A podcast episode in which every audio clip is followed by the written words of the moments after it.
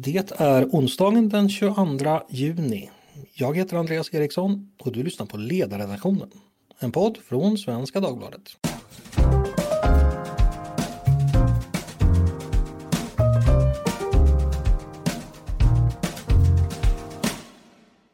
Varmt välkomna! Hoppas ni har det bra där ute i värmen. Idag tänkte jag vi skulle prata om reduktionsplikten. Ni vet den här lagen som kräver att företag som säljer bensin och diesel ska minska utsläppet av växthusgaser. Eh, och detta gör man eh, först och främst genom högre inblandning av förnybara bränslen. Men det kan också uppnås genom effektivare produktion. Reduktionsplikten, eh, som ni säkert hört talas om väldigt mycket, den infördes ju 2018 och blev en minst sagt omdiskuterad fråga i valet i fjol och politikerna har fortsatt prata om den sedan dess också.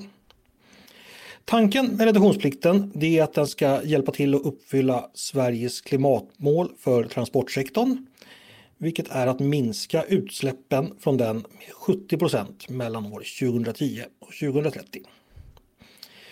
Nu har vi sagt haft den här reduktionsplikten i fem års tid ungefär och eh, det har blivit dags att utvärdera den. Några som har tittat på det här det är Riksrevisionen som har granskat just hur eh, reduktionsplikten var tänkt att fungera och hur den har fungerat i praktiken och hur den kan fungera framåt. Så därför är jag glad att kunna hälsa Peter Jörgensen från just Riksrevisionen. Välkommen hit! Välkommen Peter! Tack så mycket, kul att vara här!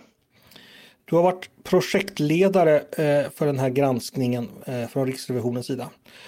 Om vi börjar där, hur kommer det sig att eh, ni från myndigheten har valt att titta på, på just den här frågan? Vad är det som gör den relevant? Det korta svaret är att reduktionsplikten har en stor betydelse för att Sverige ska nå sina klimatmål. Och så har vi samtidigt sett att det finns en del frågetecken kring en del av de ja, aspekter som är viktiga för att eh, reduktionsplikten ska kunna vara effektiv och kunna genomföras då som planerat. Mm. Vem är det som bestämmer vad Riksrevisionen ska titta på? Är det er GD eller vem, är det? Vem, vem gör det? Ja, det är vår riksrevisor som bestämmer vilka granskningar som ska sättas igång ehm, och även beslutar om de ska publiceras och så vidare. Men sen är det ju alla medarbetare hjälper till att ta fram granskningsförslag. Mm ska bara kort nämna eh, Riksrevisionens övergripande uppgift. Vad, vad är det, det är tänkt att ni ska göra? Ja, det finns olika delar av eh, Riksrevisionen. Då. Eh, det finns en internationell verksamhet som hjälper till att bistå eh, våra kollegor i, i andra länder. Och så finns det den årliga revisionen som är ägnar sig åt den finansiella revisionen av, av staten. Och så finns det vi då där jag jobbar på effektivitetsrevisionen som granskar ja, effektiviteten i, i, statens insatser inom, inom olika områden. Då. Mm, just det. Jag kan säga till, till lyssnarna, eh, vi hade ju en kollega till Peter med i podden för några veckor sedan. Eh, en person som hade då granskat bidragen till civilsamhället. Eh, så att den kan man gå tillbaka och, och lyssna på, det var väldigt intressant. Om vi går vidare till, till den här aktuella granskningen då. Vad är det för konkret fråga ni vill ha svar på genom den här granskningen? Ja, vår övergripande fråga har varit om, om reduktionsplikten bidrar på ett effektivt sätt till att Sverige ska kunna nå sina klimatmål. Och sen eh, för att besvara den då så har vi tittat på tre delar kan man säga. Eh, den första delen har varit om reduktionsplikten är kostnadseffektiv jämfört med andra sätt att nå klimatmålen. Eh, den andra delen har handlat om tillsynen, om Energimyndigheten har koll på att, på att drivmedelsföretag klarar av att uppnå de här reduktionsnivåerna, men också om de levererar in tillförlitliga uppgifter. Då. Och den tredje delen har handlat om beslutsunderlagen som Energimyndigheten och regeringen har lämnat till riksdagen, om de har varit tillräckliga och haft transparenta och så där i, i, i frågor som är av central betydelse för reduktionspliktens genomförande. Just det. Men den stora frågan var då om reduktionsplikten på ett kostnadseffektivt sätt hjälp till, hjälper oss att nå våra klimatmål helt enkelt. Mm. Du, nu, nu, vi ska bara eh, gå till grunden här med, med, reduktionsplikten. Jag beskrev det lite kort inledningsvis, men eh, kan du ge oss en lite mer fyllig beskrivning? Vad konkret är det? Vad, vad, vad konkret är reduktionsplikten? Ja, men reduktionsplikten är ju en, eh, det är en lag då, eh, som syftar till att man ska minska växthusgasutsläppen från sålda flytande drivmedel. Eh, och den anger då reduktionsnivåer fram till till 2030. Så i år till exempel så är reduktionsnivån för bensin 7,8 procent och på diesel är den 30,5 procent. Ehm, och det som är lite speciellt med reduktionsplikten jämfört med en del andra styrmedel inom det här området, eh, det är ju att den anger ju inte exakt eh, vilka biodrivmedel som ska användas utan eh, det är upp till drivmedelsföretagen. Så att, eh, använder man biodrivmedel som har bra klimatprestanda då behöver man blanda in mindre då för att klara av de här reduktionsnivåerna. Och använder man biodrivmedel som har sämre klimatprestanda då måste man blanda in mer helt enkelt. Mm. Introducing Wondersweet from Bluehost.com. Website creation is hard. But now with Bluehost, you can answer a few simple questions about your business and get a unique WordPress website or store right away. From there, you can customize your design, colors, and content. And Bluehost automatically helps you get found in search engines like Google and Bing. From step-by-step guidance to suggested plugins, Bluehost makes WordPress wonderful for everyone. Go to bluehost.com/wondersuite. Och när du säger då att, eh, säg att reduktionsplikten är 30% för bensin, innebär det att om jag pumpar fram en liter ur en pump på närmaste bensinmack, innehåller den till 30% sån här iblandad biobränsle? Eller biodrivmedel? Ja men precis, att eh, på, om det är, nej, så att om eh, reduktionsnivån för diesel är då 30,5 procent nu och då är det ju eh, mer än, eh, än 30,5 procent som är inblandat för att även biodrivmedel har har ett visst eh, klimatavtryck. Och det är också lite speciellt med reduktionsplikten att man räknar då ehm, drivmedlens eh, klimatavtryck i ett livscykelperspektiv. Så att från mm. källa till förbränning. Eh, så att på så, på så vis så, så premierar man ju biodrivmedel som har, som har bra, ehm, som har bra klimatprestanda. Mm. Och varför är biodrivmedel bättre än bensin och diesel? Ja, det har ju att göra med att eh, de är förnybara. Ehm, I och med att de är baserade på, på biomassa. Eh, det kan vara organiska råvaror. Det kan vara både animaliska och, och, och grödbaserade. Ehm, eh, så det är helt enkelt att de, att de är förnybara. Ehm, utsläppen vid förbränning är ju egentligen likartade med, med fossila drivmedel men men de är som sagt då förnybara. Eh, och, för att, eh, och det finns en del kriterier då som ska uppfyllas för att, eh, för att biodrivmedel verkligen ska vara hållbara. Och därför finns det ett ganska omfattande regelverk på EU-nivå som är då implementerat i Sverige i, i hållbarhetslagen. Mm. Sen ska jag också påpeka det att i, I, rapporten så skriver vi om, om biodrivmedel för att det är i praktiken det det handlar om. Men man får använda andra fossilfria och förnybara drivmedel också för att uppfylla reduktionsplikten. Men, men i, i praktiken så är det biodrivmedel det har, det har handlat om. Vi ska snart släppa naturvetenskapen, men, men biodrivmedel och biomassa det är helt enkelt döda djur eller plantor eller uh, träd. Mm. Typ. Mm. Ja, just det. Precis. Eh, och det fanns ju då som du nämnde då ett slutår eller ett, ett målår för det här då 2030. Då var det meningen att eh, det var 28 procent för bensin och 66 procent eh, för diesel. Eh, om vi ska börja med att prata priser tänker jag, för det är någonting som intresserar många, inte minst vi som kör Volvo V70 med dieselmotor. Hur har reduktionsplikten påverkat drivmedelspriserna? Har ni, har ni tittat på det? Ja, det har vi. Vi har jämfört uh, utvecklingen på dieselpriset i Sverige jämfört med Danmark och, och övriga EU-länder uh, och konstaterar att uh, reduktionsplikten har haft en, en påverkan på, på, på drivmedelspriserna. Och det är som sagt det är på dieselsidan. Mm. Så ungefär som man kunde förvänta sig innan eller har det varit mer eller mindre? Ja, prispåver den prispåverkan som vi visar på är, är, högre än den som har framgått i, i det beslutsunderlag som riksdagen har haft, det vill säga de beräkningar som, som regeringen har presenterat tidigare. Eh, och det beror ju på att eh, i, i hög utsträckning på att eh, biodrivmedlen har blivit dyrare än vad man förväntade sig.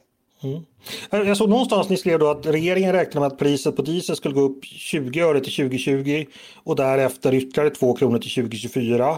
Mm. Eh, Energimyndigheten räknade så sent som 2020 på att dieselpriset skulle ligga på 16 kronor fram till år 2030 och, och det vet ju alla som tankar diesel att det, det stämmer inte. Det, det, verkar ha varit svårt att göra korrekta prognoser här helt enkelt. Kan man konstatera det?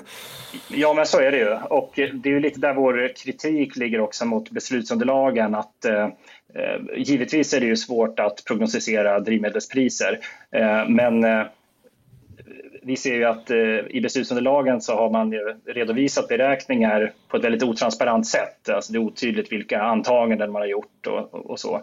Eh, och man har heller inte gett en fullständig bild, till exempel räknat på ja, men hur stor kan eh, påverkan på drivmedelspriserna bli om man, om man antar att priserna på biodrivmedel ökar.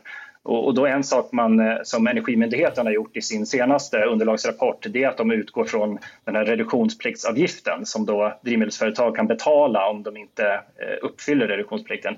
Och den sätter ju som ett, eh, kan man säga, ett ungefärligt tak på hur dyr eh, reduktionsplikten kan bli. Och då har man räknat på ja, vad kan prispåverkan bli fram till 2030 det är väl en, och vi konstaterar att den typen av analys hade man kunnat göra i de tidigare beslutsunderlagen. Mm. När du säger att regeringen då inte varit riktigt transparent med hur man kommer fram till innebär det att man liksom har slängt fram siffror som inte går att härledas eller man kan liksom inte, man vet inte var de kommer ifrån helt enkelt? Nej, nej, nej, det betyder det inte. Man har ju utgått från den information man har haft vid, vid tillfället och, och såklart försökt eh, räkna på det här på, på eh, bästa sätt. Däremot är det inte tydligt i, i eh, i beslutsunderlagen hur beräkningarna har, har gått till. Men det är inget, eh, vi har inga iakttagelser om att det är fel eh, på dem i sig utan det handlar mer om att eh, man har antagit att, att biodrivmedelspriserna ska ligga konstanta över tid. Mm, okay. Vad kan man säga om ett sådant antagande? Var det, var det rimligt att göra då? Ja, det är ju svårt att, det är ju, det är svårt att säga. Vi tycker som sagt inte att eh, kritiken ligger inte mot just den beräkningen utan det är att man har gett en ofullständig bild av, av hur priserna på drivmedel skulle kunna komma att eh, påverkas. Då. Till exempel genom att göra känslighetsanalyser där man, ja, som jag sa, då, utgår från den här reduktionspliktsavgiften eller, eller på andra sätt då, räknar med andra, eh, annan prisutveckling på biodrivmedel. Mm. Eh, förutom det här med, med, med, att biodrivmedel har blivit dyrare, finns det några andra orsaker till att priserna har stuckit iväg under de, under de här åren? Eh, nej, det har vi inte. Man kan väl säga så här att eh, utvecklingen av eh, priserna på biodrivmedel i sin tur beror, kan ju ha flera olika orsaker. Eh, och, de, och beroende på vad orsakerna är så har det lite olika betydelse för den fortsatta genomförandet av reduktionsplikten. Det kan ju vara så att om det beror på att råvarorna som används för att producera biodrivmedel har blivit dyrare eller att produktionen av, andra, av biodrivmedel av andra skäl har blivit dyrare. Då är ju, då är ju risken stor att, eh, att eh, ja, vid en fortsatt prisökning då, att drivmedelsföretag skulle välja att betala reduktionspliktsavgift istället för att uppfylla reduktionsnivåerna. Eh, men om det istället beror på att det är lite bristande konkurrens bland producenterna av biodrivmedel Ehm, och att de så att säga, anpassar prissättningen efter den här reduktionspliktsavgiften, ja då, då är ju risken mindre för det. Utan då kanske de har lite fallhöjd i att de skulle kunna eh, ha lite mindre marginal på försäljningen. Så det är svårt att säga, men eh, eh, beroende på vad, vad orsakerna är till de, de ökade priserna så, så eh, innebär det lite olika utsikter då för, för reduktionsplikten. Eh, ja, de här stigande priserna på, på, på drivmedel då, eh, att de har blivit lite mer än man, man trodde. Hur, hur påverkar det? Ja, hur det påverkar mig som konsument det märker jag förstås i min plånbok, men, men hur påverkar det samhällsekonomin som helhet? Har ni tittat någonting på det? Nej, det har vi inte undersökt i, i granskningen. Um, men vi konstaterar ju att uh, fördelningseffekten av reduktionsplikten blir ju såklart större när påverkan på drivmedelspriserna blir större. Och det handlar ju om vilka, vilka hushåll som drabbas mest och, och vilka delar av näringslivet som, som, som drabbas mest. Mm. För det, det, är väl liksom, om, om man då ska göra en totalgranskning, vilket är det mest kostnadseffektiva sättet att nå eh, klimatmålen, då är det väl liksom viktigt hur hela samhället påverkas också tänker jag. Även fast jag förstår att det är svårt att, att räkna på det. Men så att säga, det finns väl en sån logik också att man måste titta på den större bilden också. Ja, alltså vi tittar ju på när vi i vår definition av kostnadseffektivitet här i, i granskningen så eh, handlar det också om att eh, inte bara om, eh, om rent kronor och ören utan också om om eh, andra effekter och konsekvenser för, för samhället. Men då handlar det mycket om att olika, eh, olika åtgärder kan ju ha eh, olika miljöeffekter och så vidare. Eh, men en, en fullständig analys av de så att säga, totala samhällseffekterna av olika åtgärder, det har, vi inte, det har inte varit en del av, av granskningen. Nej, det, det, har, jag också all förståelse för. Du, en fråga, det kanske inte heller svar på, men, men jag tänker ifall de målen som sattes för 2030 var ju väldigt ambitiösa. Det krävs ju väldigt, väldigt mycket biodrivmedel. Mm. Och tänker att det pågår en liknande utveckling kanske, kanske i andra länder den enormt stora efterfrågan, ökningen som jag antar på biodrivmedel, det innebär, det, det, om jag minns mina ekonomistudier rätt så tenderar det ju att höja priset. Eh, har det, finns det några sådana effekter? Ja, alltså tillgången på hållbara biodrivmedel fram till eh, 2030 det är ju ett, ett, väldigt osäkert område. Det är väldigt viktigt men samtidigt väldigt svåröverskådligt. Eh, det är ju som du säger och det är ju ökad eh, efterfrågan både i Sverige och i andra länder eh, inom transportsektorn, även inom flyget eh, och även från industrin som vill som vill ersätta då fossila, och, eh, fossila råvaror och, och palmolja med, med, eh, med de här så att säga, klimatmässigt bättre råvarorna. Um, den, den, kommer att öka. Samtidigt så, finns det, um, samtidigt så finns det underlag som tyder på att i alla fall under de kommande åren så kommer tillgången på råvaror inte vara en, eh, en, en, en stor utmaning. Och det, det planeras för Eh, ökad produktionskapacitet då för biodrivmedel. Eh, men som sagt, på, på lite längre sikt och fram till 2030 så är det här ett väldigt, eh, ett väldigt osäkert område. Och det är också någonting som vi konstaterar i granskningen att just de eh, aspekterna lyfter man fram mer i, i tidigare underlag eh, när det gällde olika styrmedel eh, som, som rör biodrivmedel. Att, eh, det är som ett skäl då att, att hålla tillbaka eh, ambitionsnivån lite grann och sen tycker vi att det har så att säga fallit bort i de, i de senare beslutsunderlagen och det är för oss otydligt vad, hur regeringen ser på de här riskerna. Det här med reduktionsplikt, är det en vanlig metod internationellt sett för att eh, minska klimatavtrycken från transportsektorn och nå klimatmål? Ja, den finns i fler länder. Tyskland har en reduktionsplikt, Finland har det, Danmark har en, men på betydligt lägre nivå. Då. Eh, och, eh, jag kan inte svara säkert, men jag tror att det finns liknande i andra länder. Eh, många länder har ju eh, olika styrmedel för att främja användning av biodrivmedel.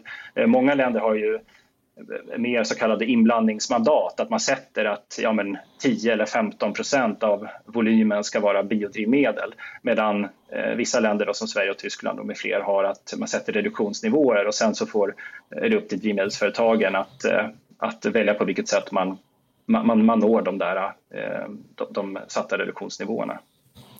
Just det. Eh, ett begrepp som ja, vi har pratat om, du har varit inne på det, det är det här med kostnadseffektivitet. För det granskar reduktionsplikten just kostnadseffektivitet jämfört med andra metoder att eh, nå klimatmålen. Eh, vad är kostnadseffektivitet i det här sammanhanget? Vad är det man tittar på då för att ta, bedöma den? Ja, det handlar ju om att, eh, att kostnaden för att nå klimatmålen ska vara eh, så låga som möjligt eh, då i jämförelse med, med, med, andra åtgärder för att nå eh, klimatmålen. Att, de är, att kostnaderna är rimliga och att eh, eh konst, de övriga konsekvenserna för samhället är rimliga. Det är en ganska bred eh, definition, men det är, så vi har, eh, det är det vi har utgått ifrån i granskningen. Och de kostnaderna, är det någon sorts samhällsekonomisk kostnad eller vad, vad, vad kan man... Ja, vi, vi lutar oss på, eh, mot eh, Trafikverkets underlag här om, som har räknat på de samhällsekonomiska marginalkostnaderna för olika sätt att nå eh, klimatmål och inte minst då, eh, transportsektorsmålet till 2030. Och då finns det lite andra sätt. Det finns ju elektrifiering, det finns ju energieffektivisering, att försöka påverka trafikarbetet och lite annat så. Och, då, och där framkommer att eh, att användning av biodrivmedel då är, ett, ett relativt kost, har, har förutsättningar att vara ett relativt kostnadseffektivt sätt. Eh, sen beror det ju såklart på hur eh, prisutvecklingen på biodrivmedel ser ut så att det är ju verkligen att det, man kan säga att det, det beror på. Eh, mm. men, men i grunden så, så ser vi att, att reduktionsplikten har goda förutsättningar till att bidra på ett kostnadseffektivt sätt till, till klimatmålen. Men ni skriver också att reduktionsplikten hade kunnat utformats på ett mer kostnadseffektivt sätt. Vilken, hur, hur, hur borde man ha gjort då? Ja, det är många aspekter där som är med i med utformningen. Jag kan ju börja med att säga att det finns ju många, i flera delar så är ju utformningen eh, gjord på ett sådant sätt som Eh, som i vår bedömning främjar kostnadseffektivitet. Att det finns då dels den här flexibiliteten i hur drivmedelsföretag kan uppfylla reduktionsplikten, att man har det här systemet med kontrollstationer med jämna mellanrum där man kan se över utformningen av reduktionsplikten efter hur ja, omvärldsförutsättningarna förändras och att det är ett styrmedel som ju premierar eh, de biodrivmedel som har bäst klimatprestanda. Eh, men ett sätt som vi, som vi bedömer att man ska kunna öka kostnadseffektiviteten det är genom att lyfta in så kallade rena och höginblandade biodrivmedel i reduktionsplikten. De säljs idag utanför reduktionsplikten och är, och är skattebefriade. Ehm, och skulle de lyftas in under reduktionsplikten så skulle det eh, ge drivmedelsföretagen mer flexibilitet i hur de ska klara av framförallt eh, de högre reduktionsnivåer när vi närmar oss 2030. Eh, hur var det då med reduktionsplikten i förhållande till, till andra metoder? Du nämnde det här elektrifiering och sådär. Mm. hur står sig kostnadseffektiviteten i jämförelse med dem? Ja, vi, vi lutar oss där mot, mot Trafikverkets analyser och eh, där, jag kan inte återge här eh, just nu exakta vilka siffror de hade kommit fram till, men att eh, där, där användningen av biodrivmedel är, ett, är, är mer kostnadseffektivt då än, än, andra åtgärder. Och vi på Riksrevisionen hade ju en granskning här för några år sedan om stöd till olika subventioner då till bilar med, med, låga utsläpp som visade på en, på en ganska hög kostnad per, per kilo koldioxid. Så att, eh, eh, det är den vi har utgått ifrån och sen konstaterar vi samtidigt att eh, kostnaderna har blivit större än, än man väntat sig och det innebär ju också att den här, den här fördelen eh, jämfört med andra åtgärder har, har minskat och, och då att de här fördelningseffekterna blir, blir större än väntat. Men det är, det är viktigt att komma ihåg att andra sätt att eh, nå eh, klimatmålen medför ju också kostnader och, och, risker och konsekvenser. Sen har inte vi, nu har vi granskat reduktionsplikten då och inte gått in så mycket på de andra, eh, på andra styrmedel och andra åtgärder. Mm om jag är fräck och som en lekman sammanfattar, det låter ändå som, som reduktionsplikten står sig hyggligt väl när det gäller eh, kostnadseffektivitet utifrån vad ni har sett. Kan man uttrycka sig så frankt? Ja, men vi ser att, eh, att, att reduktionsplikten i, i grunden har goda förutsättningar att bidra till klimatmålen på ett, på ett eh, kostnadseffektivt sätt. Men sen så finns det då stora risker för eh, genomförandet och, och effektiviteten, framförallt allt längre fram när reduktionsnivåerna ska bli högre. Och det handlar ju då om både om kostnaderna, eh, tillgången på hållbara biodrivmedel och sen har vi det här med bränslekvalitetskrav. Då. Eh, jag kan berätta lite om det. Det, ehm, det, det har visat sig att på några års sikt så kommer man inte kunna blanda in så mycket biodrivmedel i, ehm, som, eh, som reduktionsplikten eh, föreskriver. Och det har att göra med att man, man slår i taket för, för bränsle, bränslekvalitetskrav helt enkelt. Mm -hmm. Eh, och sen, men det ska samtidigt sägas att, eh, att det, det, går att vidta åtgärder för att möjliggöra att, så att säga, skjuta fram den brytpunkten så att man eh, inte når eh, den, eh, den punkten lika, lika snabbt. Då. Och då handlar det om, där har Energimyndigheten tagit fram lite förslag i sin senaste underlagsrapport. Och till exempel att man skulle kunna byta ut, i Sverige har vi Eh, så kallad MK1-diesel och den skulle kunna medan övriga Europa har MK3-diesel. Och genom att byta från den här MK1 till MK3-diesel då, då möjliggör man en högre inblandning av biodrivmedel i, i, i, diesel. Då. Och på så vis så kan man så att säga, eh, skjuta fram den här punkten där man med hänsyn till bränslekvalitetskraven inte kan eh, blanda in så mycket som reduktionsplikten föreskriver. Introducing Wondersweet from Bluehost.com. Website creation is hard. But now with Bluehost, you can answer a few simple questions about your business and get a unique WordPress website or store right away. From there, you can customize your design, colors, and content. And Bluehost automatically helps you get found in search engines like Google and Bing. From step-by-step guidance to suggested plugins, Bluehost makes WordPress wonderful for everyone. Go to bluehost.com/wondersuite. De här riskerna framöver som, som, du beskriver, finns det något, sätt man, något annat sätt man kan agera för att, för att minska dem eller minska risken för ett dåligt utfall så att säga? Ja, vi, har ju, vi rekommenderar ju regeringen att de ska ge Energimyndigheten i uppdrag att ta fram fullständiga konsekvens, konsekvensanalyser för nya utformningsalternativ av reduktionsplikten. Och eh, man har ju redan eh, skissat på sådana i, i, i, den senaste underlagsrapporten. Och sen eh, eh rekommenderar vi regeringen att med utgångspunkt i de analyserna och med hänsyn till de förändringar som sker på EU-nivå just nu eh, förändra utformningen av reduktionsplikten så att den kan bidra på ett på ett effektivt sätt till, till, klimatmålen och att då samtidigt vidta andra åtgärder som behövs för att man ska nå klimatmålen. För att vi, vi landar i granskningen inte, vi har inget eget eh, förslag på hur höga reduktionsnivåerna ska vara. Eh, men eh, vi kan konstatera att det finns ju vissa risker med de eh, reduktionsnivåer som, som gäller just nu då i befintlig lagstiftning. Okay. Och svaret på den här stora övergripande frågan om reduktionsplikten på ett eh, kostnadseffektivt sätt bidrar till att de klimatpolitiska målen uppfylls. Vad var svaret där? Ja eller nej? Ehm, ja, där är svaret. Eh, jag ger inte ett rakt ja, men jag säger att reduktionsplikten kan delvis bidra på ett effektivt sätt till att Sverige ska klara klimatmålen. Mm, okay. Eh, ni skriver också på något ställe då att, nu citerar jag, ambitiösa reduktionsnivåer beslutades trots tillfälligt underlag, eh, trots bristfälligt underlag och eh, införandet av reduktionsplikten omfattade inte reduktionsnivåer och konsekvensanalyser fram till 2030. Eh, det handlar ju liksom mer om hur man har tagit fram, fram eh, hur man har kommit fram till de här besluten. Hur pass allvarlig är den kritiken skulle du säga? Är det här ett allvarligt problem? Ja, alltså vi konstaterar ju att från den första underlagsrapporten som Energimyndigheten och med andra myndigheter tog fram för införandet av reduktionsplikten eh, fram till kontrollstation 2019 som utmynnade i lagstiftning 2021 så, så höjdes Eh, Eh, ambitionsnivåerna för reduktionsplikten ganska kraftigt. Och från att Energimyndigheten i början rekommenderade 25 procent eh, fram till 2030 så har vi nu i befintlig lagstiftning då närmare 57 procent eh, sammantaget då, om man tar med hänsyn till både bensin och diesel. Och samtidigt så kunde man konstatera i, så fanns det skrivningar i beslutsunderlagen om att det här fanns, att det fanns eh, problem med att genomföra det med hänsyn till då de här bränslekvalitetskraven. Ehm, och man gjorde inte i vår bedömning tillräckliga analyser av eh, de här faktorerna som är eh, viktiga för att reduktionsplikten ska kunna gå att genomföra med en sån hög ambitionsnivå, alltså tillgången på hållbara biodrivmedel, prispåverkan och så vidare.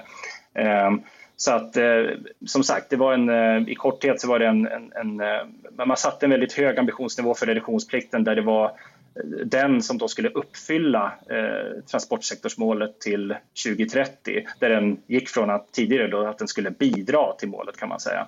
Ehm, eh, och, och, vi tycker inte att beslutsunderlagen då hanterade de här, eh, de här riskerna för genomförandet och effektiviteten på ett, på ett tillräckligt sätt.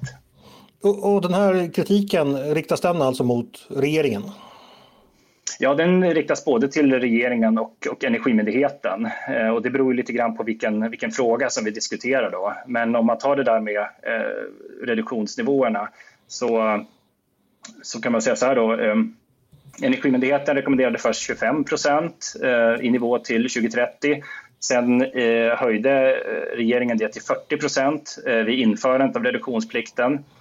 Eh, och sen vid kontrollstation 2019 så föreslog då Energimyndigheten i sin tur den här nivån på närmare 57 procent. Eh, och eh, sen konstaterade regeringen i beslutsunderlaget att det fanns ja, vissa problem och utmaningar med det men man gick ändå vidare och föreslog de reduktionsnivåer som, ja, som Energimyndigheten hade föreslagit. Så det blir kanske lite snurrigt men, men att Eh, man tog inte fram, både regeringen och eh, Energimyndigheten här ser vi bära ansvar för att man inte tog fram tillräckliga eh, beslutsunderlag. Du, under den här, när du har jobbat med den här granskningen, är det någonting särskilt som har överraskat dig som dök upp som, som du inte hade förväntat dig innan som du tycker är, är värt att nämna? Nej, men det är väl ing, jag skulle inte säga att det är någonting särskilt sådär som sticker ut som har, som har överraskat mig. Eh, nu är det så att eh, ja, politiken förändras och regeringen och Sverigedemokraterna de har ju kommit överens om att drastiskt minska den här reduktionsplikten då till nästa år. Jag antar att det är inte någonting ni har kollat på under granskningen men, men eh, ja, kastar det omkull framtida kalkyler helt och hållet nu eller vad, vad, händer, vad innebär det? Ja, den här eh, aviserade förändringarna av eh, reduktionsplikten kom ju här ganska sent i vår process. Så att vi, har ju, vi har ju granskat eh, den befintliga lagstiftningen och de beslutsunderlag som har legat till grund för den och, som har, ehm, och, som, och även Energimyndighetens underlagsrapport till kontrollstation 2022. Så att vi, vi har inga, i och med att vi har ju inga tillgång till regeringens vidare planer eller, eller, eller underlag för vad man har tänkt göra härnäst. Så det har, det har inte ingått i, i granskningen. Nej. Men, men det blir väl ändå, tänker jag, en stor skillnad jämfört med hur, hur färdplanen såg ut innan?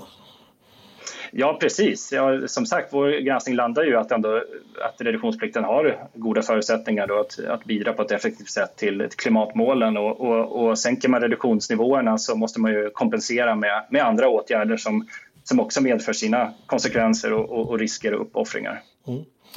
Jag kan komma med en eh, rent politisk kommentar där som du slipper ta ställning till. Men det är ju så att eh, reduktionsplikten kanske inte bidrog till, bidrog till regeringens möjlighet att bli omvald. Vad vet jag? Du, eh, att göra en sån här granskning, är det, hur, hur jobbar ni? Hur, hur många är ni som jobbar och hur länge håller man på? Hur lägger man upp arbetet? Ja, men eh, man kan säga en, en, typisk granskning då på effektivitetsrevisionen, den brukar ta ungefär ett år och man är i regel två personer som arbetar nära tillsammans. Eh, ibland, ibland en person, ibland tre, men oftast är det två. Ehm, eh, och ja, den börjar ju med att man tar fram ett eh, granskningsförslag som, eh, ehm, som sen riksrevisor då beslutar och sen sätter man igång och sen är det en, ehm, har man då en en, en lång period på sig att samla in då sina revisionsbevis och så där. Och sen har vi en ganska lång eh, slutprocess då med opponenter och det är referenspersoner och, och rapporten ska ut på, på faktagranskning hos dem man har granskat och så de får eh, korrigera sånt som, har, eh, som man har missuppfattat. Um, Ja, och sen så försöker man färdigställa rapporten och få beslut då igen från riksrevisor om att, att den ska publiceras. Så det brukar ta ungefär ett år. Är det ett roligt jobb? Ja, det är ett väldigt roligt jobb. Eh, för man, I varje granskning får man sätta sig in i ett, eh, i ett eh, nytt område. Så det är väldigt utvecklande och spännande på det sättet. Och ni som jobbar med det här, vad, vad, vad har ni för bakgrund? Är ni, eller är ni revisorer helt enkelt allihopa? Ja, precis. Våra vi, vi har ju revisor som titel, då, men vår utbildningsbakgrund och tidigare yrkesbakgrund kan ju variera väldigt mycket. Det är både jurister, nationalekonomer, statsvetare. Det är, ja, det är, väldigt, det är väldigt brett. Det låter lite som att skriva en, en D-uppsats om året. Ja, jag har hört den formuleringen tidigare. Eh, ja, men det, om man tycker att det är roligt så, eh, så eh, ja, men det, är fantastiskt, eh, det är ett fantastiskt spännande jobb och man får ju, vi har ju ett väldigt eh, eh, starkt mandat och en, att, att kunna granska statlig verksamhet på, på djupet och, och i gott samarbete då med, med våra granskningsobjekt. Så att det, det är ett väldigt spännande jobb. Mm. Eh, vi ska avrunda bara. Eh, nu har vi pratat i ett ganska komplext ämne. Jag hoppas att mm. lyssnarna har hängt med. Eh, jag tycker du har förklarat saken bra. Är det någonting du vill tillägga eller avsluta med som du tycker är viktigt att lyssnarna har med sig när man funderar vidare själv på den här frågan kanske? Nej, jag tycker att vi avhandlade det viktiga. Mm, men vad fint. Stort tack Peter Jörgensen på Riksrevisionen då för att du kom och gästade podden idag. Tack så mycket. Och tack också till er som har lyssnat idag på Ledarredaktionen, en podd från Svenska Dagbladet. Ni är varmt välkomna att höra av er till oss på redaktionen med tankar och synpunkter på det vi precis har diskuterat. Men också om ni har idéer och förslag på ämnen vi bör ta upp i framtiden. Då är det bara att mejla till ledarsidan snabel svd.se. Dagens producent, han heter Jesper Sandström. Själv heter jag Andreas Eriksson och jag hoppas att vi hörs snart igen.